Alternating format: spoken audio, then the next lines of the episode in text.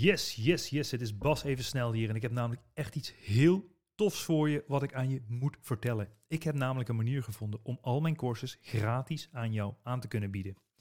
Ik heb meer dan 54 miljoen euro omzet gedaan in de e-commerce. Dus van wie leer je nou liever? Een guru die een auto huurt in Dubai of iemand die meer dan 10 jaar winstgevend is in de e-commerce?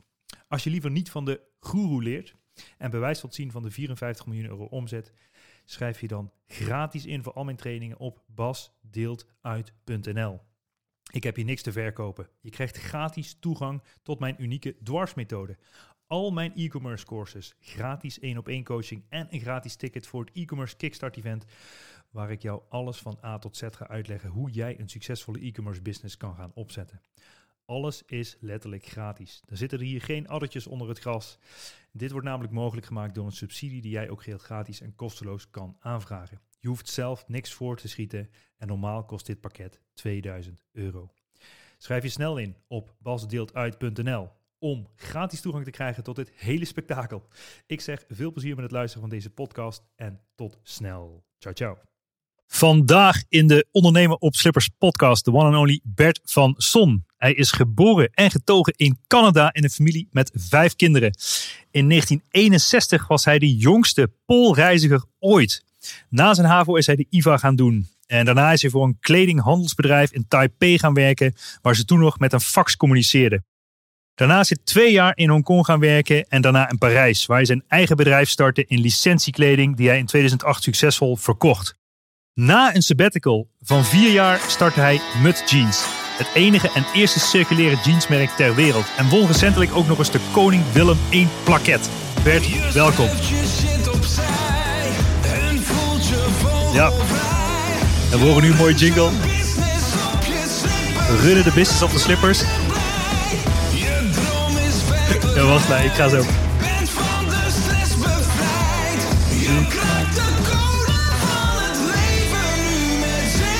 Yes, Bert. We kraken de code van het leven nu met zekerheid. is de laatste zin van de jingle. Maar we gaan veel andere codes kraken hier van de duurzaamheid, geloof ik. Uh, welkom Bert. Mijn eerste vraag uh, is altijd, intense vraag. Wat zou je doen als je nog drie maanden te leven hebt? Oeh, wauw. Dan uh, zou ik op een boot kruipen en de wereld overzeilen. Zo groot mogelijk zeiljacht. En daarmee de oceaan overgaan. Dat is nog wel een droom van me. Ja? ja? Je bent echt een zeiler? Ik ben wel een echte zeiler, ja. Cool, cool. En nu, uh, de volgende vraag is altijd, wat weer houd je ervan om het nu niet te doen? Ja, ik heb nog een missie te volbrengen. Hmm. Dit bedrijf moet nog even een stapje verder. Dan kan ik het hopelijk overdragen en kunnen hele slimme mensen dat nog veel beter gaan doen. Ja. Dus ik moet nog heel eventjes uh, proberen het zo klaar te stomen dat we het stokje af kunnen dragen. Ja, wauw, mooi. Over die missie gaan we natuurlijk uitgebreid hebben in deze podcast.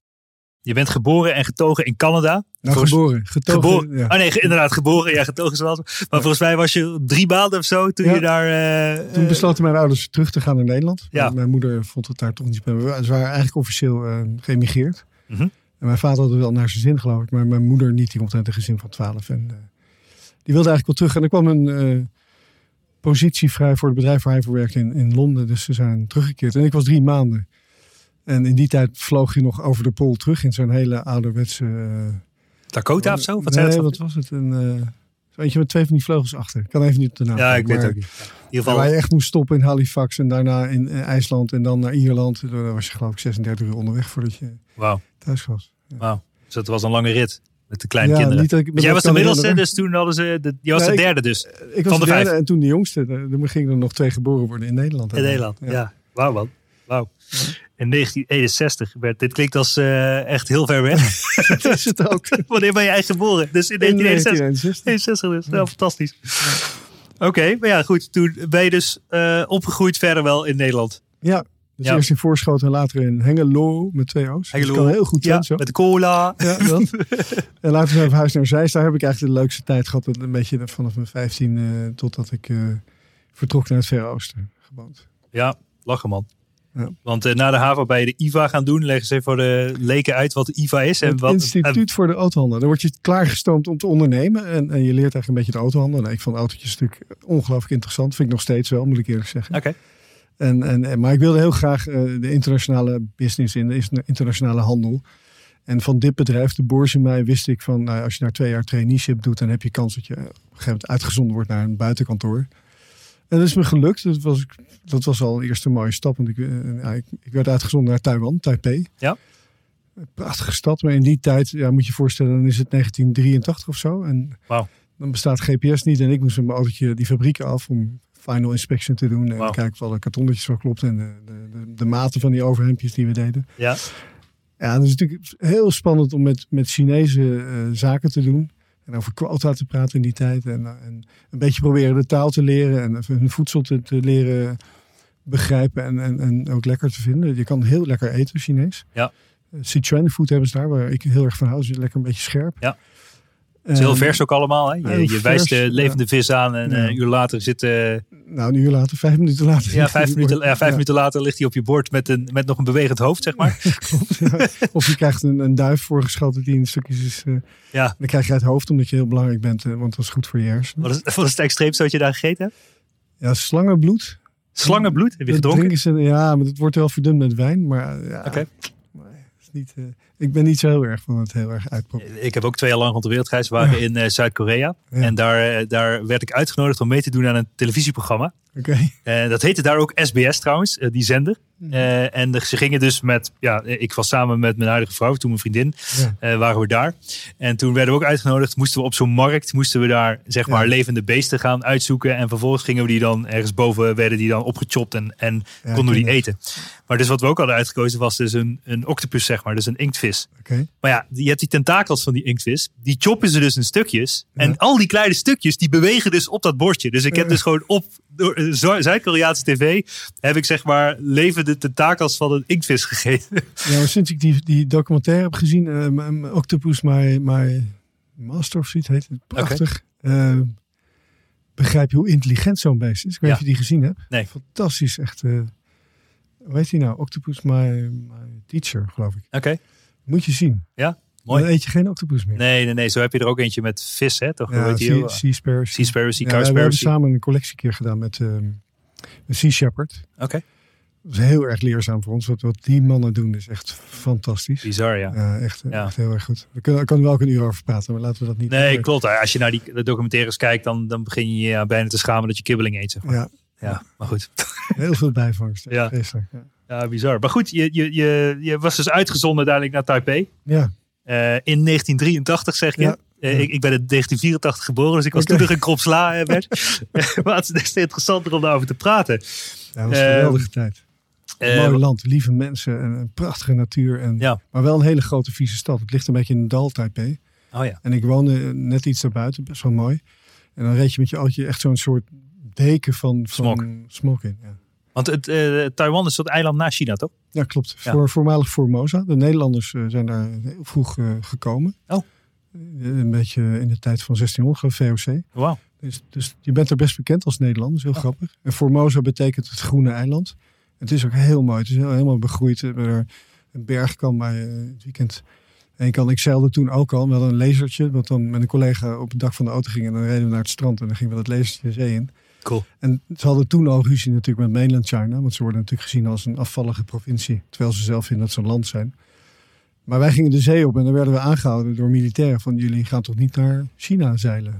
Nee, zijn we niet van plan. Een oh, wow. klein stukje tour. Toen al? Weet je? Ja, ja. ja. Nou, ze schoten iedere dag één kanon af. Om te vertellen, we zijn nog wel in oorlog met elkaar. Oh zo. Ja, en het is natuurlijk een vrije uh, republiek, vinden ze zichzelf. Ze noemen zichzelf de, de PR's, de PROC. De, nee, sorry, ik zeg het verkeerd. De PROC is de, de People's Republic of China. Ja. En zij noemen zichzelf de, de ROC, Republic of China. Oh ja. Of andersom, dan haal ik alles door elkaar. Maar in ieder geval, Ja. voor hun is uh, Chiang Kai-shek de grote leider. Die is gevlucht in 1911 met zijn hele uh, rechtse leger. En heeft alle kunstschatten meegenomen. En het hele museum ligt daar vol met, met prachtige dingen die uit China komen. Wauw. Dus daar ligt die stress ook een beetje van de, van de Chinezen. Wauw. Maar het was dus bijna zo geweest dat ze in Taiwan Nederlands spraken dan? Of? Nee, dat denk ik niet. Nee, de Nederlanders zijn toen ook doorgereisd in Japan, naar Japan. Hè? Dus Ja, ja. daar zijn ze ook eh, redelijk bekend. Nee, er was een, een handelspost al geloof Oké. ik. Ja. Ja. Ja, ik vind dat zo mooi om te zien in die VOC-tijd, zeg maar ook bijvoorbeeld Australië. Volgens mij hebben wij dat letterlijk ontdekt als Nederlanders. Whatever you call it. En later hebben de Engelsen of whatever, die hebben het weer ja, de het herontdekt of zo. ruzie, ja. ja. Ja, ja, ja. Interessant. Maar Taiwan, ja, het is wel bizar land. Maar je kende de taal dus niet. Ze spreken daar Mandarijn. Mandarin, ja. Denk ik. Ja. Ja. Ja. ja mooie dus... taal. Ik, ik, ik mag me gelukkig prijzen dat ik wel gevoel heb voor talen. Ja. En, uh, en ik vond het ook wel spannend. Ja. En ik, iedere avond kreeg ik uh, fonetisch les. Ik, ik, kan het niet schrijven, het Chinees. Maar ik, ik, kon best wel goed woorden pikken. Hè. Als, je, als je leert tellen, dan ben je al heel Als je goedemorgen kan zeggen, goedemiddag en dankjewel. En, uh, Eén biertje alsjeblieft. Het heeft lekker gesmaakt. Ja, Jacco Pejo. Ja. Ja. ja. Ja, dat kan allemaal. En dat, dat waarderen ze enorm. Dat, enorm. Dat soort mensen natuurlijk. En dan, dan kom je ook meer in contact met de, met de cultuur van zo'n land. En uh, ik heb er veel van geleerd, ook in mijn latere leven, om, om te ontdekken van ja, mensen zijn, kunnen heel verschillend zijn in, in hun hoofd en in hun denken en hun opvoeding en de achtergrond.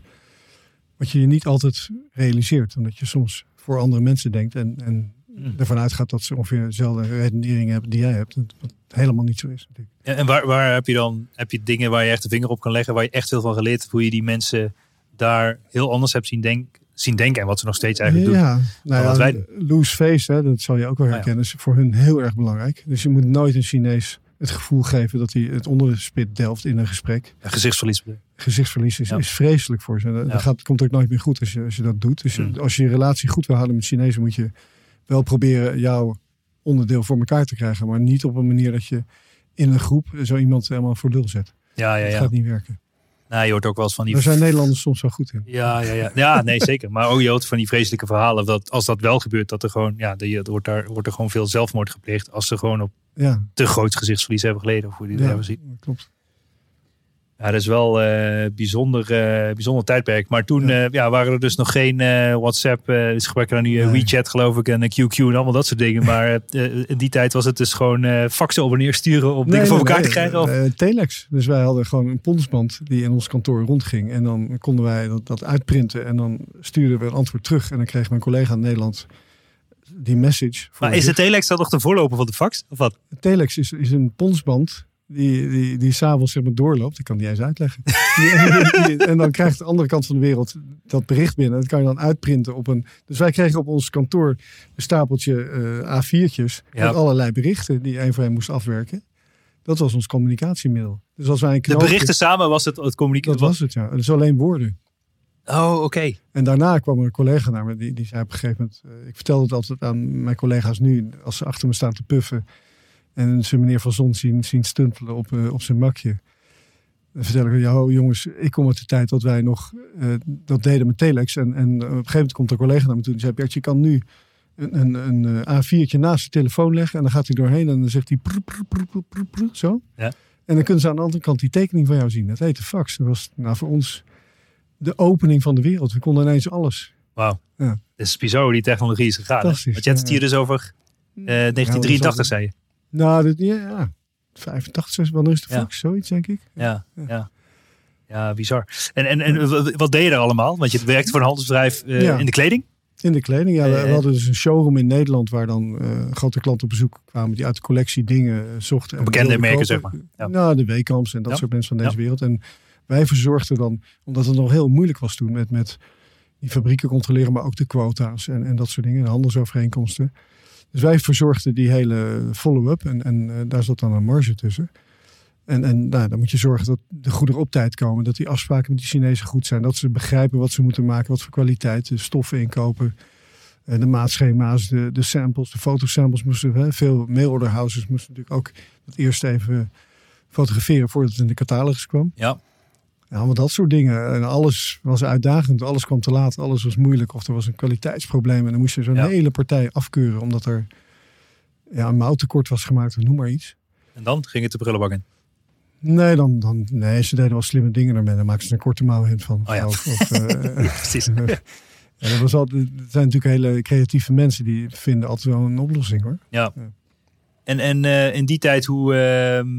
Hoe waarborg je dan die kwaliteit, zeg maar? Want dan heb je gewoon, ja, je gaat de sample misschien met de post of zo naar de andere kant van de wereld, wat ook een maand duurt of zo. Ja, dat ging wel vrij snel. Dat, ging wel, ook, je had ook wel speedpost. Oh ja, oh ja. Er vlogen wel vliegtuigen al die tijd. Ja, ja, ja, ja oké, precies. Uh, maar dan, dan heb je dus een sample en die moet dan daar honderdduizend keer worden nagemaakt, zeg maar. Ja, dat moet goedgekeurd worden. Of met wat aanmerkingen. Ja. opmerkingen. En dan ga je dat in productie leggen. Juist. Nou, dan komt er eerst de levering van de stof. Dus dan word je meestal geroepen van, nou, kijk dat nou, is het goed? Kunnen we dit zo gaan snijden? Want als het helemaal gesneden is, kan je natuurlijk niet, niet zoveel meer veranderen. Ja. Nou ja, dat soort dingen. En dan moeten ze natuurlijk heel ingewikkeld. De, realiseren mensen zich niet wat, wat er voor nodig is om een kledingstuk te maken. En daarom is het zo vreemd dat we hier in de westerse wereld of overal denken dat kleding heel erg goedkoop moet zijn. Maar als je nagaat wat er gebeuren moet. Ik neem even spijkerbroek, want daar weet ik dan iets van. Hmm. Uh, je hebt eerst de katoen. Dat moet je dan uh, schoonmaken en spoelen en misschien verven. En dan moet je het spinnen. Dan moet je het weven. Dan moet je het gaan verven. Dan moet je dat, laten, dat oprollen laten liggen een tijdje. Dan moet je het helemaal uitrollen netjes op, op stapels. En een patroon eroverheen leggen. En dan kruipt er iemand overheen met een mes die dan zulke stukken snijdt. Met de zakken, de pijpen en dat soort dingen. Dan moet je dan in lijnen gaan verzinnen dat dat goed in elkaar gestikt wordt. Met mm. mooie garens weer. Labeltje erop. Uh, knopen erop. Wordt, wordt gevouwen of nog een keer gewassen. Of met, met, met, extreme dingen. Ja. Ingepakt worden. Het moet, het moet een doosje. Het moet naar de haven gebracht worden. Ga maar door. Dus voordat het bij jou in de kast ligt. Het, het, het ongelooflijk veel stappen. Hoeveel, hoeveel uur zit er in zo'n jeans dan? Weet je dat ongeveer? Of, of is dat... Nee, dat gaat in minuten. Dat gaat in minuten De, de prijsberekening gaat natuurlijk uh, op minutenbasis. Ja. Dus je wil uh, ongeveer voorstellen, want je kan je voorstellen dat een heel ingewikkeld model met een heleboel zakken of met weinig dat dat, dat, dat scheelt. En je hebt ook tegenwoordig veel geautomatiseerd. Dus je hebt tegenwoordig al machines dat de zakken automatisch uh, erop komen. Oh ja. dat soort dingen gebeuren er. Dus ja, dat, hoeveel minuten weet ik niet uit mijn hoofd. Maar we tellen dus de minuten. Daar zit een prijs aan. Dan tel je de alle grondstoffen die erop gaan. De knopen die erop gezet moeten worden. En dan het wassen is vaak duur. Uh, wat voor wassing je wil. Of je het mm. helemaal gebleached wil hebben. Nou, dat doen wij mm. bijvoorbeeld tegenwoordig niet meer met potassiumpermagnaat of gemene stoffen. Maar met ozon kan je ook bleachen. Mm. Uh, die, die slijtvlekken die je wil maken, dat een jeans er een beetje cool uitziet. Beetje hip uitziet, dat, dat kan tegenwoordig met laser in plaats van met schuurpapier en, en allemaal gemene spullen. Ja. Er zijn heel veel oplossingen nu. Maar ja, om te zeggen dat kleding is ongelooflijke ja, het is handmade natuurlijk allemaal nog steeds. Ja. Uh, er zijn wel oplossingen hoor, nu voor t-shirts die, die heel uh, geautomatiseerd gemaakt kunnen worden. Ja. Maar verder is het gewoon een hele uh, ja, arbeidsintensieve business. En daarom is het toen ook een beetje verhuisd naar die lage loonlanden. Ja, ja, ja, ja want dat, dit, ja, jij zet dus ook een Taipei. Ja, en, en waar was je daar verantwoordelijk voor dan? Of was het... Uh, ja, herenkleding, de man shirts. Dus ik, was, ik werd specialist in de heren, heren overhemden. Ja. En Taiwan was zeg maar een buitenkantoor. En Hongkong was het centrale Verre Oosten kantoor. Het hoofdkantoor of zo? Ja, het hoofdkantoor. Dus er werd een enorme upgrade als je dan daar naartoe mocht. Oh ja. En dan, dan ging je over al die buitenlandse. Dus dan ging het over mainland China, over Taiwan, over Indonesië. Deden we zaken Vietnam. Dus... Uh, dan werd je al wat belangrijker, tussen aanhalingstekens. Ja, ja, ja. ja. Voor wat het waard is. Maar ja, en een, een heel leuk team hoor. Want, want die Chinezen die daar zitten, die hebben natuurlijk meer, die zagen meer Kwailo. Hè. Kwailo is, het woord voor blanke geest. Zo werd je genoemd als jong mm. jongetje. Was je dan ineens de baas van 15 Chinezen. Maar je moest niet denken dat je de baas was. Je mm. moest gewoon meelopen. Mm. En uh, het grappige was, ik had dan een auto ook zelf. Maar eh, de kentekenplaat kende ik in het Chinees. Dus dan kon je horen spreken van, we hebben die auto van hem even nodig. Dus dan hoorde ik de kentekenplaat en dan gaf ik mijn sleutels alvast af. En ik keek ze heel gek van, hoezo weet hij dat? Oh, mooi man, mooi. Maar hoe communiceerde je toen die tijd dan? Want het was met name, zij konden toen helemaal geen Engels, denk ik. En alles was... Nee, je had het wel, we hadden wel Chinees. In Hongkong zeker Chinees. Tolk. Nee, nee, nee. De, de, de, Chinese bevolking in Hongkong spreekt heel goed Engels. Ja, in Hongkong. in Taiwan, ja, de mensen die wij op kantoor hadden ook wel. De meeste spraken wel goed uh, Engels. Oh, dus dat was altijd doen. Jawel, dat ging prima. Ja, ja, ja. mooi. Maar goed, jij ging dus voor die upgrade naar Hongkong. Toen je in ja, Taipei zat. belangrijk. Toen dacht je wel, uh, ja, ik wil belangrijk gevonden worden. Dus die ladder moet omhoog. Ik moet naar Hongkong. Ja, dat klopt. maar ging je daar iets heel anders doen dan? Of, nee, uh... hetzelfde, maar dan iets, iets uitgebreider. En, en daar kwamen ook meer klanten op bezoek. Die, eh, die wilden natuurlijk ook ons zien en kijken of ze fabrieken konden bezoeken. En uh, nee, het was, was min of meer hetzelfde werk wel. Ja. Wat we deden vaak, uh, je had in Hongkong nog fabrieken voor overhemden die gewoon in die hele hoge gebouwen zaten. Dus als we nieuwe fabrikanten zo zochten, dan gingen we wel eens gewoon eh, een heel zo'n fabrikagegebouw in. Of zo'n echt zo'n in Kowloon, helemaal achter in Kowloon heb je dat vaak. Mm -hmm. En dan begonnen we gewoon de bovenste etage en dan één voor één alle etages af wat daar was. Wat oh. er gebeurde, wat, wat er gemaakt werd. Oh wow. En dan zie je de meest gekke dingen wat er allemaal gemaakt werd. Ja, ja, ja. Ja, ja. ja goed, dit is ook ik heb zelf ook ooit een fabriekje opgezet in China. Maar ja, het is natuurlijk een heel spektakel. Mensen stellen zich er heel vaak veel bij voor. Zeg maar. Een fabriek klinkt heel groot. Goed, in het geval van kleding. Het, het zijn gewoon uh, rijtje naaimachines en stofsnijden. En ja, dat noemen ze dan een fabriek. En wat, en wat strijkijzers. Ja, wat strijkijzers, ja. En een snijtafel. Ja, ja. dat was ook wat mooi. Je zag daar zoveel ondernemerschap. Ja. Dus ze beginnen daar vaak als coolie. Dus dan zie je die jongens zwetend in, in, in, in, in, een kort broekje in die grote gebouwen door, door, die goederenliften. Ik weet niet of je die kent, maar die ja, ja, zware goederenliften waar ze dan op, op zo'n op zo'n rolletje uh, twintig dozen vooruit in de vrachtwagen stoppen. Ja. En het kan zijn, er waren slimme gastjes bij die gewoon na twee jaar coolie dachten van, ah, dan kan ik zelf ook een dingetje huren, tien oude naaimachines kochten en begonnen. En ik heb met dat soort jongens zaken gedaan. En die waren natuurlijk ongelooflijk streetwise. Ja. Konden slecht Engels. Ja. Slagen, ja, onopgevoed zou ik maar even zeggen, in, in onze ogen. Maar daar heb ik de meest leuke momenten mee, mee meegemaakt. Omdat die gewoon wel... Uh, dingen voor elkaar krijgen. Ja, ja. ja, wel tof. Ja. Wel tof, maar twee jaar in Hongkong gezeten. Ja, ik ben ook vaak in Hongkong geweest. Volgens mij is dat een onwijs gave stad om te, te wonen. Fantastisch. Nou ja, kan ook mooi zeilen, rondje Hongkong. Heel mooi zeilen, ja. Ja, ja, ja, het is heel mooi. En, maar wonen je daar echt in de stad of een beetje erbuiten? Want volgens mij is het ook, uh, ja, je hoort ook, dat het sowieso in die tijd was het waarschijnlijk ook al niet te betalen om er te zitten, maar nu al helemaal niet. Nou, ik had nog net mazzel dat ik uh, met mijn toenmalige vriendin woonde dus samen daar. En uh, wij konden een heel mooi appartement huren op Hongkong Zuid. Dus op, op de Peak. Nou, niet onderweg naar de Peak. Als je de ja. Peak tram neemt, halverwege linksaf de McDonald ja. Road. Ja. we. Chatsapa, dat is een fantastisch mooi appartementje. Uitzicht op Victoria Harbour. Toen werd ook dat gebouw van Pij gebouwd. In de zien ontstaan. Ja. Prachtige ja. gebouw. Nee, we, we, we, nog niet klagen. Op de Peak zit ook de Nederlandse ambassade, toch? Of niet? Dat weet ik niet. Ja, volgens mij wel. Dat kan, ja. Ja, ik ben een paar keer uh, een feestje geweest. Kennedy Road, ja. ja. En dan had je mooi uitzicht over... Uh, daar woon ik eentje hoger. Eentje hoger, ja. Ja, uh, een paar keer rond geweest. Ik had een vriend van mij, die woont ook in een Kong in de buurt van die paardenrace. Uh, ja, die, die Valley. ja, daar speelden wij hockey midden ja, in die Ja, exact. Ik heb, is echt grappig dat jij er ook hockey hebt gespeeld. Ik heb zelf ook altijd gehockeyd. En, uh, en toen wij op wereldreis waren, was een vriend van mij, die woonde in Hongkong. En die werkte ook voor een technisch bedrijf. Die waren met draadloze stroom toen bezig, wat helemaal early days was. Gaaf. En die hockeyde ook daar. En toen heb ik ook nog een wedstrijdje meegepingeld met die gast. Maar we moesten tegen Indiërs spelen. Ja, dat is Nou ja, uh, dat, uh, we, gingen hard, regels. we gingen er hard af. ja, ik, ik, in het land der één oog is, is uh, in het land der blinden is één oog koning. Ik heb daar voor het Hongkong elftal mogen spelen. Ja. Een paar keer tegen China, tegen Macau tegen eh, Amerika. Dus het was wel heel spannend. Maar er zit toch wel de hele tribune vol. Maar vooral met Indiërs en Pakistanen. Ja, ja, ja, ja. dat is echt een hockey. Die eten meenemen, de hele dag daar gaan zitten en ja. feest vieren. Ja, ja, Dat is heel leuk. Ja. Maar dat is toch van die, die paardenrace daar is ook een soort van verkapte belasting. Want er wordt echt even gegokt op die paarden. Tak, tak, tak. Nou, dat gebeurde. Wij werkten ook op zaterdag. Ja. In Hongkong. En op zaterdagochtend dan, dan kreeg ik altijd van, van de hoofd-Chinees waar ik mee samenwerkte de tips voor de paardenrace door. En dan had hij uh, zogenaamd oh. telefoon. Die wist zogenaamd alles. werkte nooit. Welk paard het meeste eiwitshots had gekregen. Ja, die ging winnen. Dat wist hij dan zogenaamd. En iedere, iedere zaterdag zei hij, ja, nu weet ik het echt zeker. En die Hongkong-Chinezen zijn enorme gokkers. Die gaan ook gewoon door. Je hebt zeven races. Dus de eerste race winnen ze dan misschien nog wel. De tweede ook, de derde ook. Maar dan blijven ze gewoon alles inzetten. Oh ja. Ze kijken niet meer naar hoeveel het is. Nee, het is een soort gaat van, gewoon door. Het is een soort van rood-zwart. En elke keer valt hij op rood. En gaat alles, alles, alles wat ze willen zetten. Shit, de zesde, de zevende race net mis. Jammer. Oh, wow. En dan maandag wow. het gewoon weer En heb jij daar ook lopen gokken op die paardenraces of niet? Nee, ik heb wel eens wat Gekeken. grap meegedaan. Ja, ja. Want dan zeiden ze, nu moet je echt, we hebben zo'n goede tip. Nu moet je echt gewoon geld inzetten. dat heb natuurlijk nooit wat. En it's gone. Ja, kansloos. oh, wel lachen zeg. Ja. Um, uh, maar goed, twee jaar in Hongkong gezeten. Uh, daarna ben je Parijs, naar, naar Parijs ja. gegaan. Maar was dat dan weer een treetje hoger of was het weer een ander spektakel? Nee, dat was heel anders. Het was zo mooi. Want we hadden toen echt nog zo'n, dat was echt zo'n hiërarchisch, hiërarchisch bedrijf waar, waar de grote baas door de gang liep en die schreeuwde dan maar wat en dan moest dat gebeuren. Oh ja.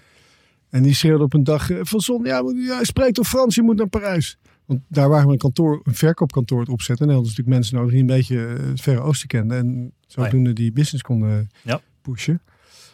En uh, ik had MAVO 3 Frans en ik kon avoir uh, vervangen, vervoegen en, uh, en être. Dat was mijn Frans. Daar was ik wel heel erg trots op. Dus ik heb daar metro Frans geleerd in, in drie maanden tijd. Maar het was zo'n leuke tijd. Als je, als je ervoor interesseert, nogmaals een taal moet je gewoon opnemen. En de Franse radio keihard aanzetten. S'avonds naar TF1 kijken. En dan komt het vanzelf weer binnen. Dus ik sprak binnen no time best wel goed Frans. Wauw. Dat ging wel lekker, ja. En, maar is dus, nou ja, sowieso tussen Taipei, um, uh, Hongkong en Parijs zijn natuurlijk drie totale verschillende culturen. Ja, absoluut. Uh, hoe, hoe, was dat voor jou om vanuit, uh, vanuit Hongkong eigenlijk in Frankrijk te gaan zitten? Nou, dat, dat was best wel lastig, want in Hongkong word je gezien in binnen het bedrijf als expat. En dan heb je best wel goede voorwaarden. Oh ja. Je een auto en je appartement wordt betaald. En in Hongkong betaal je nauwelijks belasting. Dus was, ik was best wel een verwend mannetje. En in Parijs is het gewoon, was het gewoon, ja, dus Europa. Ja. Uh, zoek hem maar uit. Ga maar een appartementje zoeken. En oh ja. dit is wat je verdient. Ja, ja, precies. Je betaalt gewoon Franse belasting. Ja, regel het. Dus dat was wel even wennen. Ja, ja, precies. Maar ik vond het ook wel weer leuk om terug te zijn in Europa hoor. Ik, ik wou niet daar blijven plakken. Je krijgt op een gegeven moment ook island fever. Dan heb je echt wel genoeg van het hele, hele drukke stress in leven. Zes dagen in de week werken. En uh, moet je niet te lang doen, denk ik. Dus ik was daar heel blij mee. En, en nou ja, iets minder is ook prima. En, en ik heb een hele leuke tijd gehad in Frankrijk. Ja. En Fransen zijn ook weer geen Nederlanders, zou ik maar zeggen. Nee. Het is een heel ander volk. En uh, ik probeer altijd, uh, dat heb ik niet altijd wel dan uh, de, de, goede dingen eruit te halen. Te genieten van wat er heel erg mooi is daar. Het eten natuurlijk fantastisch. Ja. Ik, heb, ik heb natuurlijk veel rondgereisd in Frankrijk. En met collega's, en dan deden we altijd wel ons best van toch een kleine detour om dat hele mooie restaurantje mee te pakken. Ja, ja, ja. Ging je veel de bergen in ook of niet? Nou, vooral, we reden vooral, we hadden een grote klant in Saint-Etienne zitten, hè, casino. Oh, ja. Dus dan kom je langs, uh, langs Boon en zo, die, die, dat soort dorpen gingen we in. Nee, niet veel in de bergen. Nee, het was meer, uh, we zaten in Noord-Frankrijk met ons kantoor later. Oh ja. Uh, dus dat, dat is minder mooi, vind ik. Dat is niet het echt allermooiste deel van Frankrijk. Mm -hmm. Le Schnoor. Ik weet niet of je Bienvenue chez les Ch'tis hebt gezien, die film. Nee. Nou, de aanrader voor alle ja? luisteraars. Kijk okay. eens. De film van Danny Boone, al een tijdje oud, maar het is een Franse slapstick. slapstick en, en ik moet nog steeds keihard lachen als ik hem zie. Maar het Goed. Is, je moet er wel even in een lollige bui voor zijn. Precies. Ja. Even een paar paulo's er binnen werken. Ja, dat helpt. maar goed, toen zat je in Frankrijk en toen begon het een beetje te borrelen. Toen dacht je van wacht even, ik zit hier zo lang in de kledingindustrie. Ik ga zelf iets doen. Of, Nou, of hoe, hoe ging dat een beetje daar? Ja, toen kreeg ik op een gegeven moment toch wel ruzie met, uh, met die mannen van, van dat bedrijf. Ja. Dat was een lang verhaal, maar dat, uh, ja, ik kan het wel vertellen. Ik was natuurlijk aangenomen op commissiebasis. En, en, om te verkopen? Om te verkopen. Ja. En dat deed ik zo goed. In Frankrijk kan je grote klappers maken. Omdat het gewoon, als je aan Auchan iets verkoopt, een, een, een, een artikel wat in de promotie gaat, dan gaat het naar 136 hypermarkten met allemaal meer dan 100 kassa's. En dus er kwamen kwantiteiten uit die, die, die ze in Nederland helemaal niet, was een nieuwe markt, die helemaal niet gewend waren. Dus ik had een, een deal waarbij ik vreselijk veel geld, belachelijk veel geld verdiende. En um, ja, dat vonden ze in Nederland helemaal niet zo prettig. dus daar moest aan geschroefd worden. Dus dan was ik gewoon een eigenwijs jongman. Die dacht, nee, dit is wat we afgesproken ja. hebben. Nou, dat, dat botste. En toen... toen um, je had een soort van uncapped commissiedeal of zo gemaakt met. Ja, nou, dat was niet eens mijn voorstel. Dat was gewoon het vastigste. In okay. het bedrijf ging dat zo. Ja. En toen, um, toen was er een Turkse fabrikant. Die wilde heel graag in, um, in Frankrijk een kantoor openen. Korte termijn business uit Turkije. En dat vond ik eigenlijk wel mooier. En um, ja, die zocht iemand die Frans sprak, die Duits sprak, die wat van kleding wist. En wat ervaring daarin had. Uh, nou ja, er zijn er niet zo heel veel van. Dus, dus toen kon ik daar uh, mee aan de slag. En heb ik dat kantoor voor hem opgezet. En het was wel mooi. Het was een, was een Turkse ondernemer die heel groot was in Turkije. Die echt alles uh, deed vanaf de, vanaf de katoen, de spinnerijen, het maken. Alles was in zijn, in zijn portfolio. En, en ook nog eens een keer eigen winkels in Duitsland. Het was in Duitsland een hele grote man. En die had één gek in Nederland zitten en een andere Nederlander in Frankrijk. Dus bij die bijeenkomst in Duitsland zaten wij dan met z'n tweeën bij 50 Duitsers en, en, Turken aan tafel. En die, die eigenaar vond ons wel mooi, want wij waren natuurlijk een beetje recalcitrant en, Ja. en uh, konden dingen ook wel een beetje uh, scherp zetten. En die, die hield echt van ons, die man, meneer Shaheen was dat. We hebben een heel, hele leuke tijd gehad. En ook weer, omdat we iedere maand wel naar naar Istanbul moesten om, om daar ook naar de productie te kijken en kijken hoe die samenwerking ging. Uh, ook wel weer Turks geleerd. En daar heb ik ook nog steeds wel profijt van. Omdat Turkse mensen ook heel trots zijn. Uh, en in Nederland zit, zit een gedeelte van de Turkse bevolking. Maar in Istanbul, ik weet niet of je ooit in Istanbul Zeker. bent geweest. Een prachtige stad. Ja. Waar je ook fantastisch kan eten trouwens. Absoluut. En uh, ja, die, die vinden het ook. Daar heb ik mijn lesje geleerd van. Als ik een klein beetje mijn best doe. En ik kan goedemorgen zeggen. En het eten is heel lekker. En tot tien tellen dan ben ik al een held. Ja. En dat is een beetje uitgelopen tot, tot uh, dat je ook alle scheldwoorden leert en dat soort dingen. ja, ja, ja, ja, Dus ik heb met die Turken echt fantastisch samengewerkt. Hele leuke tijd gehad, acht jaar.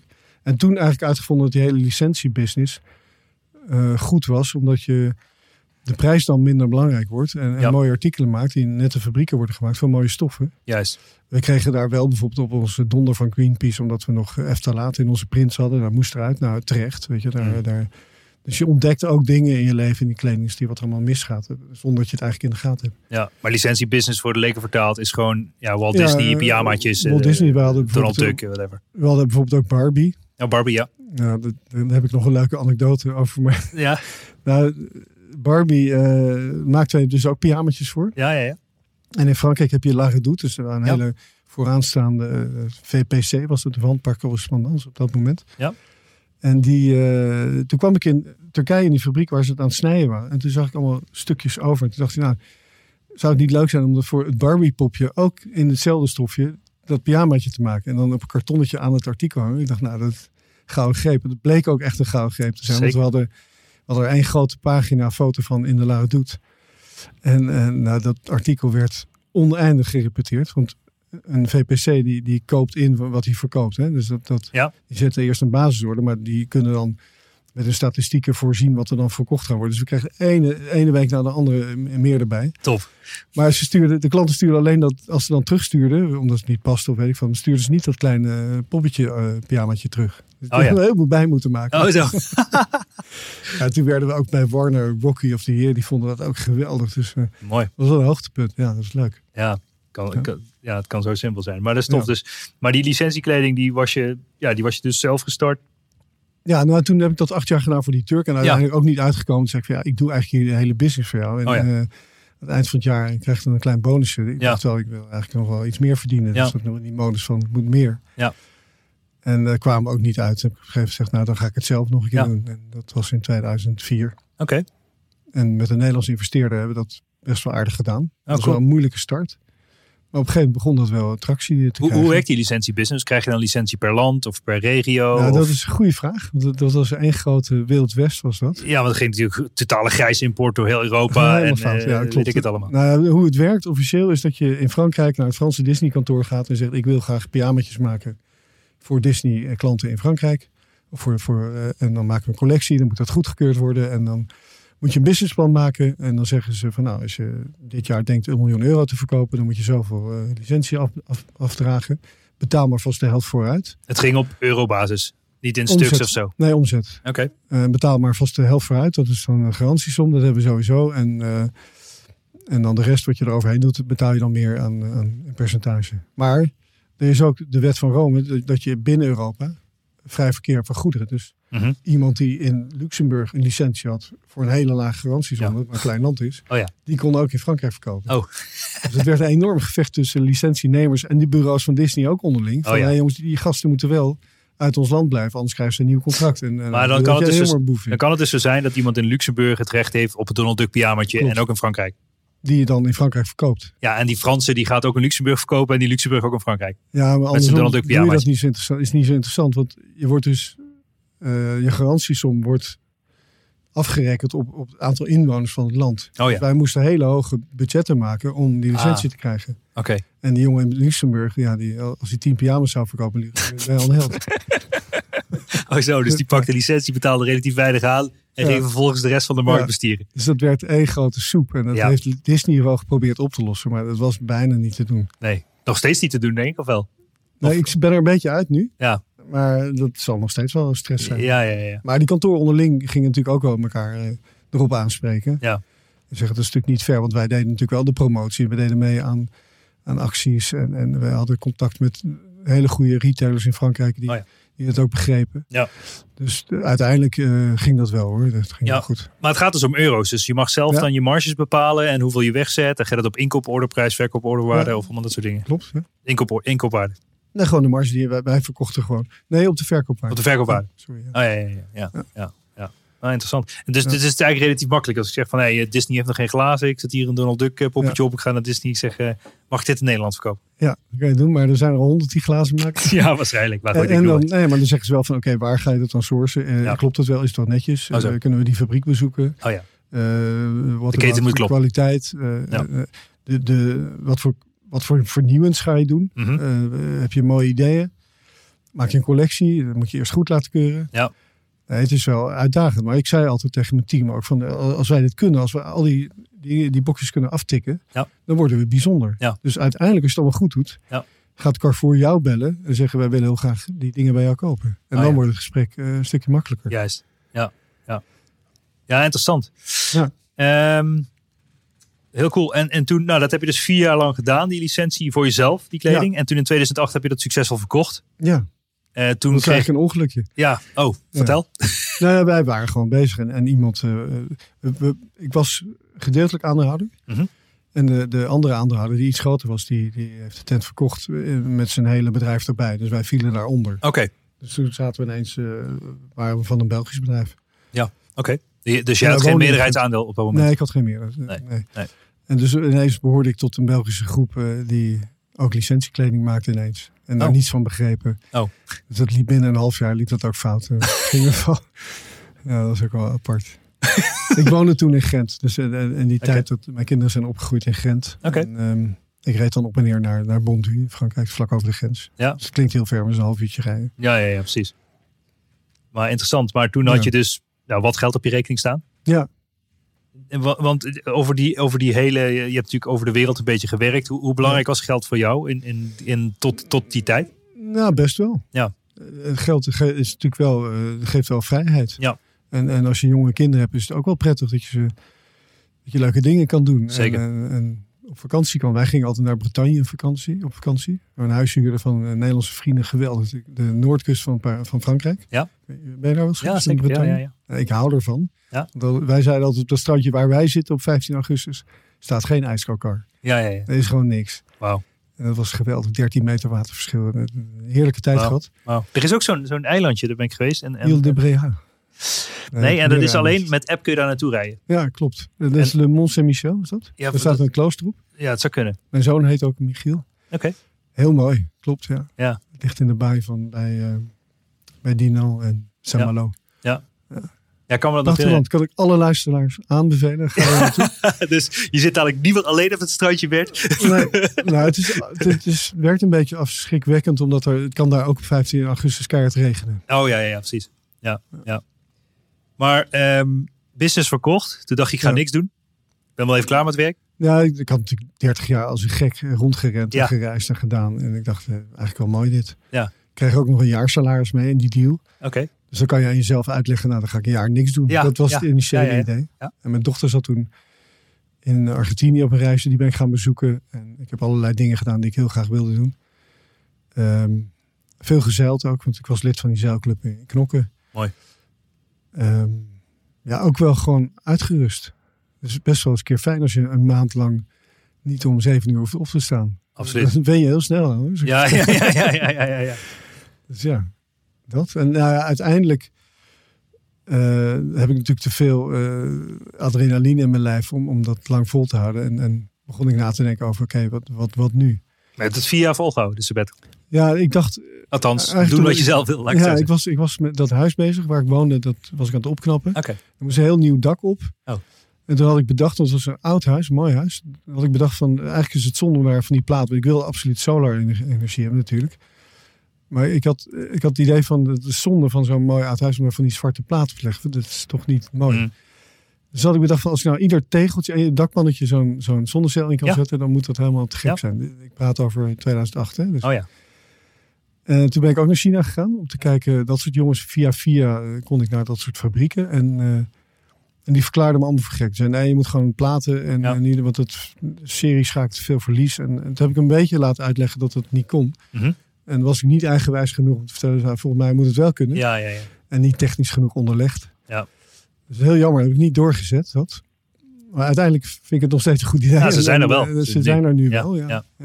Ja. volgens mij heeft Elon Musk ook zo'n systeempje met van die platte, platte ja. dakpannetjes. Dat is mooi. Ja. Maar goed, dat, dat heeft me ook weer geleerd. Dat ik dacht van nee, eigenlijk, ik, ik weet zoveel van de kledingindustrie. Uh, ik heb zo'n groot netwerk. Um, niemand kan me wat wijsmaken wat er gebeurt. En het moet gewoon veel beter. Want ik heb natuurlijk uiteindelijk, als ik heel eerlijk ben, de kledingindustrie zien verwoorden van iets moois maken wat je draagt en wat, wat van goede kwaliteit is, waar, waar je ermee mooi uitziet en af en toe wat nieuws. Mm. Natuurlijk vinden mensen dat mooi, dat vindt iedereen leuk. Naar wat het nu is geworden in fast fashion, waar kleding wordt gemaakt door kindslaven in het putje van de wereld met giftige materialen die gewoon geloosd worden. Ik weet niet, heb je True Cost gezien, die film? Nee. Nou, dat is de volgende aanrader voor de uh, Wel, wel of niet? Misschien wel, weet ik niet. True Cost, nou, je gezien hebt, is hij wel binnengekomen. Is binnengekomen, ja. ja. Je kan misschien de trailer hierbij doen. Staat ook op Netflix. Hij stond op Netflix. Stond, stond. Ja. Oké. Ja. Hij was te goed, ze hebben hem eraf gehaald. Ik weet niet. Of ze hebben de licentie niet van ik. I don't know, maar hij, is, uh, hij komt echt binnen. Wauw. En uh, ja, dat heb ik dus zien gebeuren in mijn leven. En ik had zoiets van, dat, dat kan niet. Dit moeten we, ik heb drie kinderen. Die studeren, wat, wat laten wij na? Dus onze generatie heeft echt ja, de boel gigantisch verknald. We verneuken de planeet. Nou, wij, wij waren wereldkampioen in die tijd. En er wordt nu gelukkig meer nagedacht. Oh ja.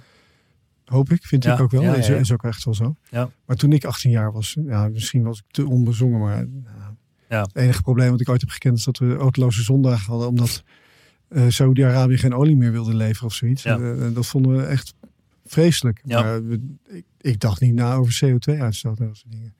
Het ligt misschien ook aan mij, maar nou, dat, dat kwam natuurlijk wel veel meer voor. En als je daar een klein beetje voor interesseert en je, gaat zoeken op Google, dan, dan, komt er een heleboel op je af. Tuurlijk. En zeker als je dan een bedrijf begint wat het beter wil doen, nou, dan, wil je, dan, dan komt er een tsunami aan, aan informatie. En bij alles denk je, jezus man, dat wist ik helemaal niet. En ja. het kan beter. En, en wat ik net al zei, alles kan op dit moment zijn alle technieken ervoor om in dan even voor de jeans weer terugschakelen. Dat je alles beter kan doen. Alles kan beter. Alleen je moet het wel doen. En ieder stapje is toch weer een tikje duurder. Omdat het nieuw is en nog geen volume zit. En, en nou, uiteindelijk betaal je als, als handelaar nu twee keer zoveel voor je jeans. Omdat je mensen ook eerlijk wil betalen. Die gun je eigenlijk ook wel een pensioenetje. Je wil niet zo ver weg doen. Dus Tunesië worden onze jeans gemaakt. Nou, ik vind het belangrijk. Mensen zeggen ook wel, zou ik niet in Nederland doen? Ik denk dat het niet verkeerd is om, om, om uh, een land als Tunesië economisch te ondersteunen om daar handel te doen. Mm. En dat is nog, het is één dag varen. Dus van Tunis naar Marseille uh, staan onze trucks op de boot. En die rijden dan door naar, um, naar Utrecht, waar ons logistieke ja. centrum is. En daar liggen die. Ja. Dus ik kan dat aan mezelf verkopen. Ik zeg van nou, dat is, dat is een kort cirkeltje. Mm -hmm. De mhm. stoffen worden gerecycled in Valencia. Ja. Daar gaan al onze oude jeans naartoe die wij inzamelen. Want je hebt het nu over, over mud jeans. Wat ja, je daar die wet wel. Ja, ja, misschien te snel door. Ja, want het MUD, staat dat nog ergens voor trouwens? Voor modder. Oh, modder? Mud is uh, okay. het meest circulaire goedje wat er is, denk Kijk, ik. Kijk, mooi. Omdat je het altijd opnieuw kan gebruiken. Je kan er huizen van bouwen, je kan het op je gezicht smeren. Ja. ja. Het is uiteindelijk klei en zand en water. Ja. En, uh, het, is, het, is, ja, het is circulair. Ja, ja, ja. En uit, uit de mud kan ook een mooie lotusbloem groeien. Ja, dat is een ja. beetje meer de filosofische kant. Ja, ja, ja. Dat, zijn wij dan. Ja, dat is wel tof. Nee, je was al, we, we hebben elkaar natuurlijk leren kennen op een marketplace event. Ja. En toen was ik echt helemaal gefascineerd van het verhaal van Mud Jeans. En dat is ook de reden waarom we nu hier een podcast zitten op te nemen. Ja, je was al de supply chain een beetje aan het uitleggen. Maar ik vond het zo fascinerend dat vooral het circulaire deel, dat mensen een jeans kunnen leasen. Ja. Of in ieder geval terug kunnen sturen. Ja. En dat jij die in Valencia gaat shredden. Ja, en weer een nieuwe jeans van maakt. Toen dacht ik van, waarom importeren we überhaupt nog nieuwe jeans uit andere landen? Omdat er zoveel waste is van die dingen. Ja, ongelooflijk. En als je ze allemaal zou recyclen. En, en daar hadden we het in het begin over. Jij bent nog steeds het enige en eerste circulaire jeansmerk Ja. ter wereld. Eigenlijk is dat belachelijk. Dat, dat kan toch niet, dat kan toch niet Nee, waar zijn? Dat, dat moet ook niet zo zijn. En het, Ja. het probleem is nog groter eigenlijk nu. Omdat grote jeansbedrijven ook wel inzien dat hun consumenten om meer duurzaamheid vragen en, en openheid en dat soort dingen. Dus dan wordt er nu gegreenworst en gezegd van ja, wij, wij doen ook wat circulairs en we doen ook wat dit en we betalen mensen netjes. Hmm. Terwijl dat is dan pre-consumer waste. Dat wordt een beetje technisch nu, maar dat is zeg maar afval in de fabriek of de spinnerij daarvoor. Hmm. Dat ze dan opnieuw gebruiken wat normaal is en al heel erg lang duur Oké. gebeurt. Dan willen ze gewoon een soort van stempeltje hebben voor de buitenwereld. Van, eh, ja, dan gebruiken we 20% oud materiaal. Nou, dat is niet helemaal eerlijk, vind ik. Wij gebruiken echt oude jeans. Dus, dus wat Mud Jeans doet, is we maken de jeans zo goed mogelijk en zo netjes mogelijk. Niet te ver weg met mensen die netjes betaald worden en waar, waar we overal transparant over kunnen zijn. Maar we vinden dat niet genoeg, want dat, dat doen al meerdere bedrijven. Eh, Netjes maken, dat, dat kan best wel. Maar wij zijn eigenlijk voorloper van UPV, hè, de uitgebreide productverantwoordelijkheid Mhm. van, van of in het Engels eh, Extended Producer Responsibility, EPR. Daar komt wetgeving over. Dus dat betekent dat bedrijven wat ze op de markt zetten ook nog steeds verantwoordelijk voor zijn. En ik vind dat normaal. Wij vinden dat bij Mudjeans, als je dat product helemaal goed hebt gemaakt, dan wil je eigenlijk ook nog graag dat het teruggestuurd wordt na gebruik. En dat je het zo goed mogelijk weer gaat hergebruiken. Mm. Dus dat betekent dat je in design gaat nadenken over, nou stel dat ik die broek van jou terugkrijg na twee of drie jaar dat die uitgedragen is. Uh, kan ik hem dan makkelijk weer uit elkaar halen? En verstoor ik de reststromen niet als ik er heel veel andere stromen bij stop. Dus bijvoorbeeld leren labels gebruiken we niet. Of de materialen, die, die de, de, de, de, metalen, die halen we er van tevoren ook af. Mhm. Die wil je ook van één soort metaal hebben in plaats van een stukje plastic. Nou, kun je makkelijk recyclen. Je moet het zo makkelijk mogelijk maken voor jezelf. Mhm. en, en dat is eigenlijk circulariteit. Terwijl heel vaak krijg ik mensen op bezoek die zeggen: Ja, ik heb een heleboel kleding over. Uh, kan je daar wat mee? Oh ja. Ja, nee, vriend.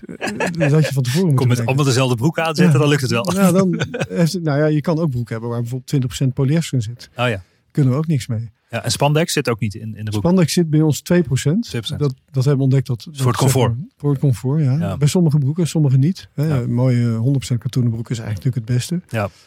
Maar dat kunnen we gebruiken omdat nou ja, dat verstoort het recycleproces niet zo heel erg. Mm -hmm. En um, ja, dat, dat vind ik dus belangrijk. En daarom hebben we dat lease uitgevonden. Wij willen graag dat dus onze klanten de broek terugsturen. Ja. Dus je krijgt een tientje korter als je oude broek terugstuurt. En dat mag tegenwoordig ook een uh, vieze broek zijn van Levi's of wat anders. Oké. Als er maar 95% katoen in zit. Oké. als die 20 keer gewassen is, is zijn alle pesticiden en dingen van de katoen er wel uit. En uh, het andere idee was, omdat we ja, tijd toen we begonnen was, was Airbnb aan het opkomen en Uber en, en de mhm. sharing economy. Dus wij hadden zoiets van, ja, waar moeten we eigenlijk eigenaar zijn van een product of is de performance van een product goed genoeg? Ja. Dus als je het gebruik hebt, daar gaat het eigenlijk om. Je wil die broek aan hebben. Als dat wel heel farfetched en voor, voor, een, voor een jeans wel natuurlijk moeilijk voor te stellen van, want die wil je eigen maken, die gaat naar je lijf zitten. Dus dat, dat spreekt elkaar een beetje tegen. Maar uiteindelijk hebben we dat bedacht en gezegd, het gaat ons erom dat we nagebruikt die broek terugkrijgen. En je kan hem leasen. Dat hebben we iets makkelijker gemaakt. Omdat we dachten van ja, het is zo ingewikkeld, niemand begreep het meer. Hmm. Zo ben ik trouwens straks zo meteen vertellen aan onze eerste medewerkers gekomen. Maar het lease is dus bedacht van eh, je betaalt 12 keer een tientje en haal hem dan vooral langer. Dat je afbetaalt, maar als je hem terugstuurt, dan krijg je korting op de volgende lease een euro. En dan is hij 9,5 of 8,95 per maand. Oh ja. En, en met, met het idee, het mooie is dat je natuurlijk hele lange uh, connecties krijgt met je klanten. Juist. Er zijn echt fans van je. En die bestellen ieder jaar of iedere twee jaar ja. een nieuwe boek. Dus het is onze slow fashion. Ja. Met het idee van, je kan best wel eens een keer wat nieuws en wat mooiers. En een ander kleurtje. Begrijpelijk, dat wil ja. iedereen. Ja, ja. Maar niet uh, iedere drie weken, zeg maar. Nee. Ja, wij maken ook nooit uh, ieder jaar twee of drie nieuwe collecties. Dat doen we niet. Nee, nee, nee. Dus maar vanuit van hoeveel jeans uh, want leg me dat proces aan de achterkant uit. Van hoeveel ja. jeans kun jij weer één jeans maken? Dus je, je, wij sturen allemaal broeken terug. Jij stuurt die naar Valencia. Daar gebeurt iets. Ja. Die, die, die shredder je weer terug tot, tot, ja. de, tot de grondstof. En dan ga je weer de grondstof opbouwen tot stof en die gebruiken. Of hoe werkt dat? Ja, bijna goed. Okay. We, we gaan ze dus shredden uit elkaar. Steeds kleinere stapjes. Ja. En met naalden en met rollen uit elkaar trekken. Dat je dus weer een soort vezeltjes krijgt. Ja. Vervezelen noemen we dat. Ja, ja, ja. Nou, dat, dat, dat wordt dan een lichtblauw bolletje van, van, die, van die jeans.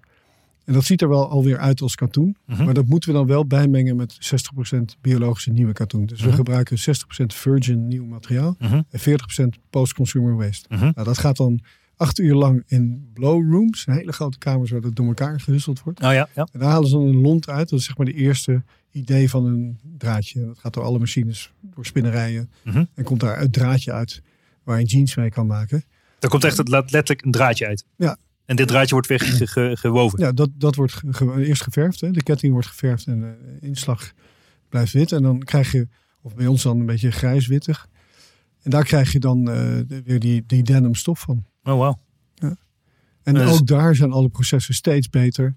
Uh, vroeger moest je uh, indigo verven door acht baden. Ik weet, indigo is een hele gemene verfstof.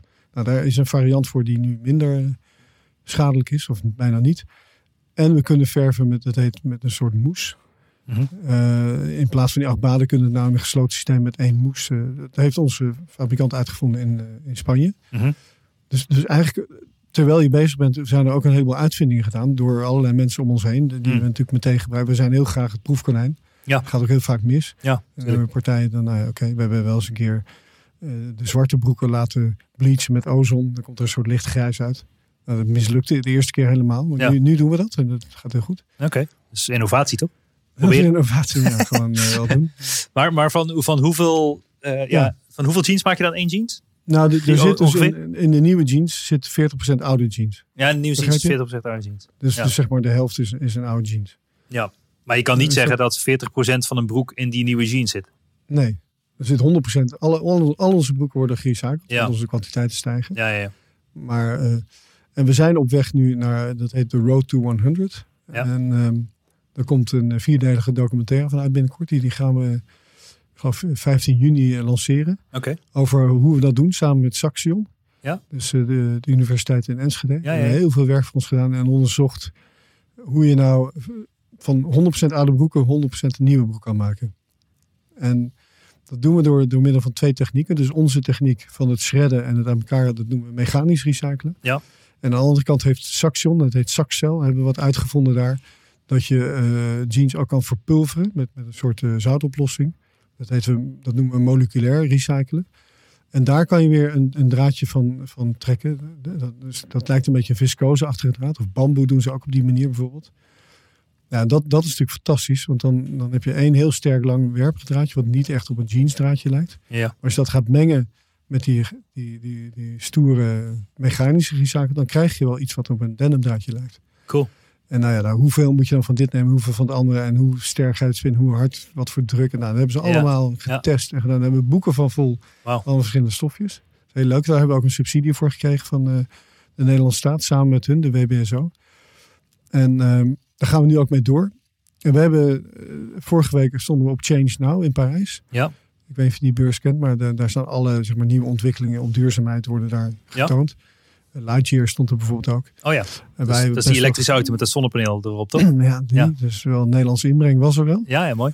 En wij hebben daar de, de eerste 100% post-consumer waste gerecyclede broek aan de wereld laten zien. Wauw. Wow. Daar zijn we ongelooflijk trots op. Ja.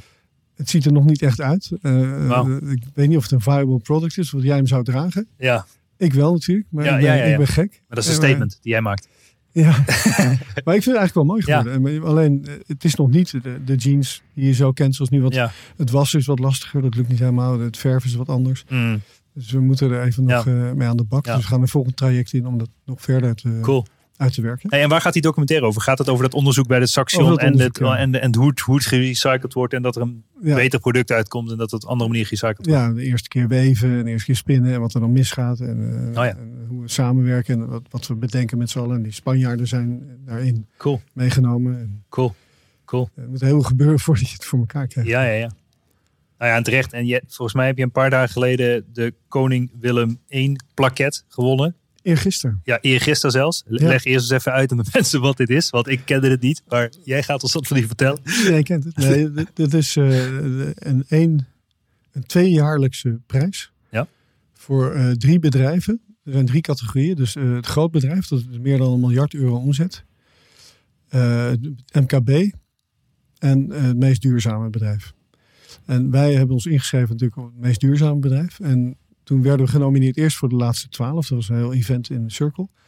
Waar ook uh, de Dopper was ge genomineerd en mm -hmm. I Did Slow Fashion. Allemaal mooie bedrijven. Kipster, um, Emma's uh, Shoes. En uiteindelijk, ja, toen werden we overvallen um, door Annemarie. En die kwam ons vertellen dat we bij de finalisten zaten. En uh, dat we naar het gala mochten op maandagavond in Groningen. Ja. Helemaal in Groningen. Dat, mocht, dat mocht ik niet zeggen van de commissaris van de Koningin. Oh, ja. hij in zijn speech. Dat oh, lekker top. Helemaal in Groningen. En um, ja, uiteindelijk een hele mooie avond. Uh, met allemaal mooie muziek. En naar het hoogtepunt opgebouwd. Uh, werden wij als een van de drie genomineerden gekozen tot uh, de winnaar. Dat is eigenlijk wel een heel emotioneel moment. Geloof ik. Ja. Alsof je de marathon hebt gelopen. En uiteindelijk het voelde als erkenning. En het is ook voor het hele team. Ik hoop dat ons bedrijf er een hele boost van krijgt. Het gaat natuurlijk niet om mij, maar in de tijd dat je dit doet en, en tien jaar bezig bent, komen er allemaal mensen bij je. En die allemaal de neus dezelfde kant op hebben, die keihard werken, die, die heel slim zijn en intrinsiek gemotiveerd. Ook omdat we B Corp zijn, een Benefit Corporation, een van de hoogscorende. Ja, sluiten mensen zich aan die zeggen van ja, deze missie vind ik mooi en, uh, en ik doe gewoon mee. Ja, het is een kroon op je missie. Ja, ik ben er echt wel heel erg trots op. Ja. Het is gewoon uh, ja, dat je jezelf het allerbeste duurzame bedrijf van Nederland mag noemen. Eigenlijk niet onvoorstelbaar. Ja. Vind ik. Nou ja, ik zou eerder zeggen, pas de wetgeving zodanig aan dat dit de standaard is. Nou, dat klopt. Dat is een goede wat je zegt. Maar gewoon, uh, ja, dan, word je de grootste jeanslever, uh, circulaire jeansleverancier ter ja, wereld. En... Klopt, als een wetgeving komt dat alle jeansbedrijven hun eigen jeans moeten terugnemen. Ja. Dan wordt het een heel ander verhaal. We hebben, we hebben een stagiair, we hebben hele leuke stagiaires vaak. En dit meisje had bedacht van als ik nou in december gevraagd, ik heb, ik heb een oude jeans van, nou, ik noem maar een merk. Dan schrijf ik naar het merk, ik wil graag mijn jeans naar u terugsturen. Kan dat? Oh ja. Ja, dat was fantastisch wat je dan voor uh, reacties krijgt van bedrijven. Oh, wauw. Ja, die hebben we wel eruit gegooid op een gegeven moment ook. Die hebben we wel uh, publiek gemaakt. Ja, ja, dat geloof ik ja. Ja. Want je, ja, je krijgt natuurlijk niet de wenselijke antwoorden waarschijnlijk. Nee, gewoon van uh, flikker op met je dienst. Moet je niet ja, hebben. Ja, ja, eruit. ja, ja. Verbrand hem maar. Ja, want, en, want dus jullie productie is in Tunesië of zo, zei je net. Ja. en je recycelt in Valencia. Ja. Um, hoe, hoe, hoeveel... Want op een gegeven moment komt er zeg maar een bepaald punt dat heel veel mensen de jeans dragen en dat ze terugkomen. Ja. Maar het begin is natuurlijk nieuwe grondstof en daarna wordt het gerecyclede grondstof. Klopt. Dus er zal altijd een deel nieuwe grondstof blijven om... Tenzij we daar niet 100% gaan. Ja. Dat echt lukt. Ja. Als we hem echt uh, een viable product van maken waar jij helemaal wild enthousiast van wordt. Ja. Maar dat klopt wel, die vraag kregen we ook helemaal in het begin. Toen we begonnen ja. met dat leasen. Ja. Hadden we twee uitdagingen. De eerste was dat ons de achterkant van het bedrijf en de boekhouder helemaal niet klaar daarvoor was. Dus ja. ga maar twaalf keer een tientje afschrijven bij iemand en die van rekening verandert of zijn broek terugstuurt. Of nou, drama was niet te overzien. Ja. Dus aan het eind van het jaar heb je 100.000 euro geld wat binnen is gekomen waar je geen idee hebt waar het vandaan komt. Ja. En aan de andere kant heb je een heleboel mensen waarvan je denkt dat je nog geld van moet krijgen. Dat is ook ongeveer 100.000 euro. Dus hebben we maar tegen elkaar aangeschoven. En dan, Ja. nou, dit sluit. Ja. We hebben een paar jaar zo gedaan, maar dat is natuurlijk niet vol te houden. Nee. Dus gelukkig hebben we dat helemaal kunnen automatiseren. En een collega van mij is daar helemaal ingedoken. Die hebben dat opgelost ook. Geweldig. Maar toen kregen we ook de vraag van, van consumenten van... oké, jullie we sturen die broeken terug, maar wat ga je er eigenlijk mee doen? Dus toen, wij hebben dan een hele slimme marketeers. Dat, dat meisje wat dus mij... eh, of jonge vrouw moet ik zeggen. Die, Ja. die mij zag spreken in Pakhuis de Zwijger in het begin... over dat Lise Jeans verhaal. En die kwam na die spreekbeurt naar me toen. Die zei, nou meneer Verzon, dat is een mooi verhaal... maar dat kan echt veel beter Mhm. ik kom bij u werken. En ik zei, nou sorry, maar ik heb geen geld meer. Ik kan je helemaal niet betalen. maar die is toch komen werken. Die had er baan opgezegd. Die heeft eh, Hyper Island als opleiding gedaan. En die hebben dus Sweat Capital gegeven, heet dat. En die, die, die is eh, uiteindelijk gebleven. En dat is nu onze brandbuilder. Een geweldige eh, ja, marketeer. En die verzon, die zei op een gegeven moment, nou laten we dan gewoon dat laten zien. Hè? Content op Insta gooien, op Ja. Facebook, alles Ja. laten zien. We gaan die reis maken. We rijden met twee oude oude Land Rovers rijden we naar, eh, naar Valencia. Ja. En dan gaan we ze daar zelf in de shredder gooien, filmen we dat en dan weten we precies hoe het gaat. Juist. Maar toen had ik niet genoeg broeken. Dus toen heb ik Humania in die tijd gebeld. Ze zei, ja, heb je nog de oude jeans? Want ik ga daar naartoe. Het moet wel eh, volumineus eruit zien. Moet staat- wel, is lullig als je met, met honderd broeken daarin rijdt. Dus moet... En toen, hebben, toen was ook wel een eye-opener voor me. Want toen zeiden ze van, nou, ga maar naar Zwolle dan op zaterdagochtend. Dan zeggen we dat jij daar aankomt. Meneer Van Zon die komt een paar oude jeans halen. En dat regelen we wel. Nou, ik weet niet of je ooit bij zo'n verzamelpunt bent geweest van oude kleding. Nee, maar dat zal er vast als uh, is- chaotisch uitzien. On, nee, het is helemaal niet Oh. chaotisch. Het is fantastisch. Het is onvoorstelbaar de hoeveelheid oude kleding. Ja, allemaal van die balen met kleding. Of hoe moet ik het voorstellen? Ja, opgestapeld tot aan het plafond. Maar Ja. fabriekshallen vol. Dus Ja. niet, niet, maar echt. Ja. Dat je het niet kunt voorstellen. Allemaal oude kleding. Ja. En die mannen die werken, daar werken de vrouwen. Die, dat zijn ook nog vaak mensen met afstand tot de arbeidsmarkt. Dus Ja. Nou, die hadden het grootste plezier om die hele auto van mij vol te proppen met oude stinkende jeans. Nou, Oh, ja, daar zijn we naar Spanje gereden en onderweg allemaal mooie dingen gedaan met de, de Surfriders Foundation, die jij ongetwijfeld kent hebben, met de Universiteit van Troje in Vieux-Boucau het strand opgeruimd. Nou, ook, ook een eye-opener als je met 300 mensen drie uur lang over het strand loopt en je gaat plastic op waarvan je denkt van, nou, ziet hier best netjes uit. Ja, ja, ja. ja. ja. Balen met plastic Ja, werkelijk. Dus dat is ook weer ook leuk voor ons team en stagiaires om dat allemaal te zien. En, eh, Ja. Uiteindelijk die broeken in die shredder gegooid. En, en dat is, dan komt het wel tot leven als je het gewoon zelf Ja. gaat doen. Dus het motto is gewoon, ga het lekker zelf doen. En dan zie je vanzelf eh, ja, ja, ja. hoe het eruit ziet. Onwijs gaaf verhaal, man. Ja. Je ziet ook in, de e-commerce, zie je, ja, Ja. je ziet wel steeds meer mensen circulair denken. Maar het is toch een andere manier van denken dit, hè? En Want de, de meeste bedrijven denken gewoon, nou, ik ga producten inkopen en verkopen. Ja. En eh, wat erachter zit. Lekker eh, verdienen. ja, Prima. ja. En dat door dit verhaal ga je er toch wel anders naar kijken. Ik hoop het. Ik Ja. hoop dat we, we vinden dat onderdeel van onze missie. Dat we niet alleen zelf proberen te groeien en impact te maken. En eh, CO2-neutraal te zijn. Of zelfs positief nu met, met eh, samenwerken met Just Dig It. Mhm. Alle teruggestuurde jeans planten wij een boom of een gaaf een gat hè, in eh, Afrika. Ken je Just Dig It? Fantastisch. Kijk daar naar. Klinkt goed. Maar, um, Zo anders dan de Boring Company, denk ik. ja, dat is iets anders. Ja. En, en uh, wij willen eigenlijk ook uh, onze kennis en onze ervaring gebruiken om jonge mensen te inspireren. En ook praten we veel met studenten en op universiteiten geven we guest lectures. Ja. Om ook ja, maar te vertellen wat we doen. Want vaak is het voor mensen een beetje onbegrijpelijk, terwijl het een heel simpel verhaal is. Ja.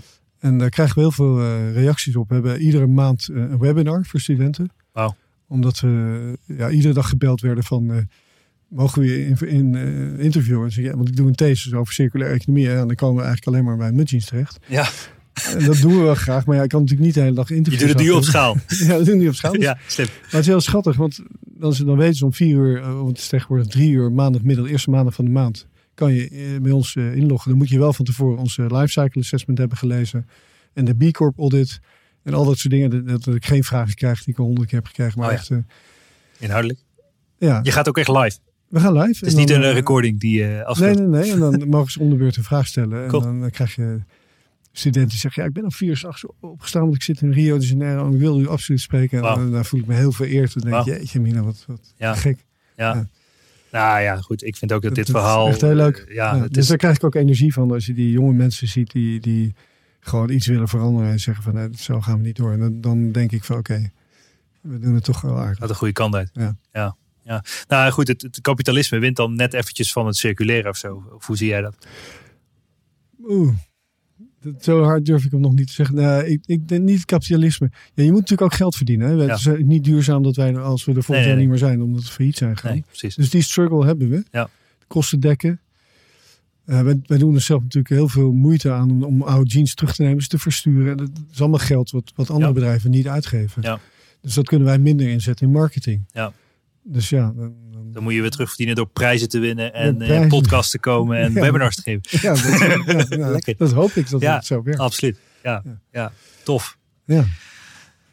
Tof verhaal Bert. Heb ik nog iets niet gevraagd wat ik had moeten vragen? Wil je nog iets toevoegen aan het gesprek? ja, ik wil wel wat toevoegen. Ja? Ik wil graag eh, aan jouw luisteraars de kortingscode geven. Kijk, dat mag. het gaat er natuurlijk om dat mensen onze jeans gaan dragen. Absoluut. Daarover praten met hun vrienden. Ja. En zeggen dat hij geweldig zit. Ja. Of niet. Heel goed. Ik vind dat ze de volle prijs moeten betalen, maar Ja. bij deze heb jij de mogelijkheid om Nee, de kortingscode nou, te De geven. kortingscode is walk the talk. Walk Walk the talk. the talk. Ja, dus Oké. Oké. loop hem. Ja. En eh, ja, dan krijg je 20% korting. Wauw. En eh, ik hoop dan dat mensen vooral zeggen van... Jezus, wat een fijne jeans. Wat zit die goed. Ja. En, en eh, ik ga dit aan mijn vrienden of vriendinnen vertellen. En hij is te verzilveren op mudjeans.com. .nl. Hebben we niet, helaas. Oh, dat meen je niet. Nee, dat is een drama. Je bent er wel aan het kopen, mag ik hopen. We hebben, hij is bijna niet traceerbaar. Oh, De eigenaar zit ergens in, eh, in een Oostblokland. En ik heb hem niet los kunnen krijgen. Oh. Tot nu toe. Hm. Maar als je daar advies in kan geven. Ja, ik dan- ga ook wel eens even voor je research. Best wel lastig. ik ben er ook wel handig in, in dat soort Oké, dingen. nou het is ons nog niet gelukt. Zelfs, niet om, zelfs om in discussie te komen. Ja. En hoe langer we wachten, hoe moeilijk het wordt natuurlijk. Ja, ik ga kijken of ik, of ik hem kan opsporen. Ja. En anders bij deze misschien een luisteraar die denkt van... hé, hey, wacht even, zo'n Nou, iemand achterhalen eh, ik van geweldig mudjeans.com... die eh, voor dit mooie verhaal... eh, want gebeurt er iets op het domein? Ja, erger nog. Er word je doorgeleid naar andere jeansmerken. En niet naar die van ons. Hmm, Dat is eh, heel vervelend. Oké, We hebben wel de mudjeans.eu en de mudjeans.nl. Ja, De- maar net alle het .com andere wil je hebben. de URL's hebben we. maar dit kan net zo goed een vervelend concurrentje zijn dit. Dit is geen vervelende concurrent. Het is gewoon een uh, slimmerik die twintig jaar geleden al dit, dit domein heeft vastgelegd. Nou ja, En er iets mee doet. En daarom is het lastig om het los te weken. Ja. Eh, en we hebben al, ons merkenbureau is al ingedoken. Eh, als jij het kan, ben ik je ja, eeuwig dankbaar. ja, of een van de luisteraars. Of bij een van de deze. luisteraars, ja. En hoe kunnen ze jou bereiken? Bert van Zon op LinkedIn? Ja, doe dat maar. Ja. Anders stroomt je inbox eigenlijk een vol Ja, die zit al zo vol.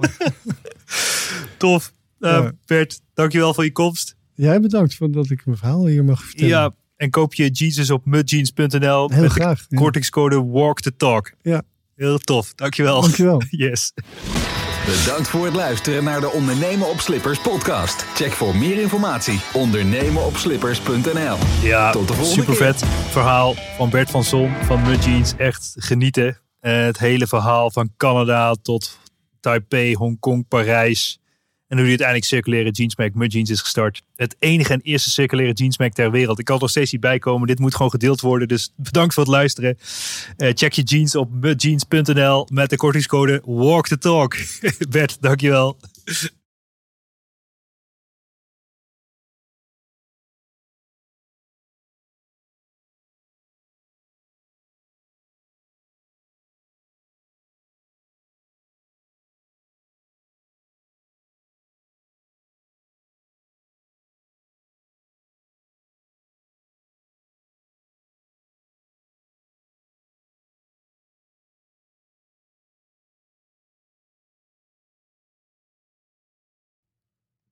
Dit was toch een onwijs gave episode. Laten we eerlijk zijn. Ik vind het onwijs tof. Mocht je nou waarde vinden in deze episodes, check dan ook eventjes mijn LinkedIn, Bas Eurlings. En geef mij gewoon even een persoonlijk berichtje wat je van deze podcast vindt. Nogmaals, ik kan alles gratis aan jou geven. Wil je leren in e-commerce? Gratis in op één coaching. Gratis e-commerce kickstart event. Ga naar basdeeltuit.nl hoe jij subsidie kan aanvragen door om gratis toegang te krijgen tot alles wat ik gemaakt heb. Check it out en tot snel. Ciao, ciao.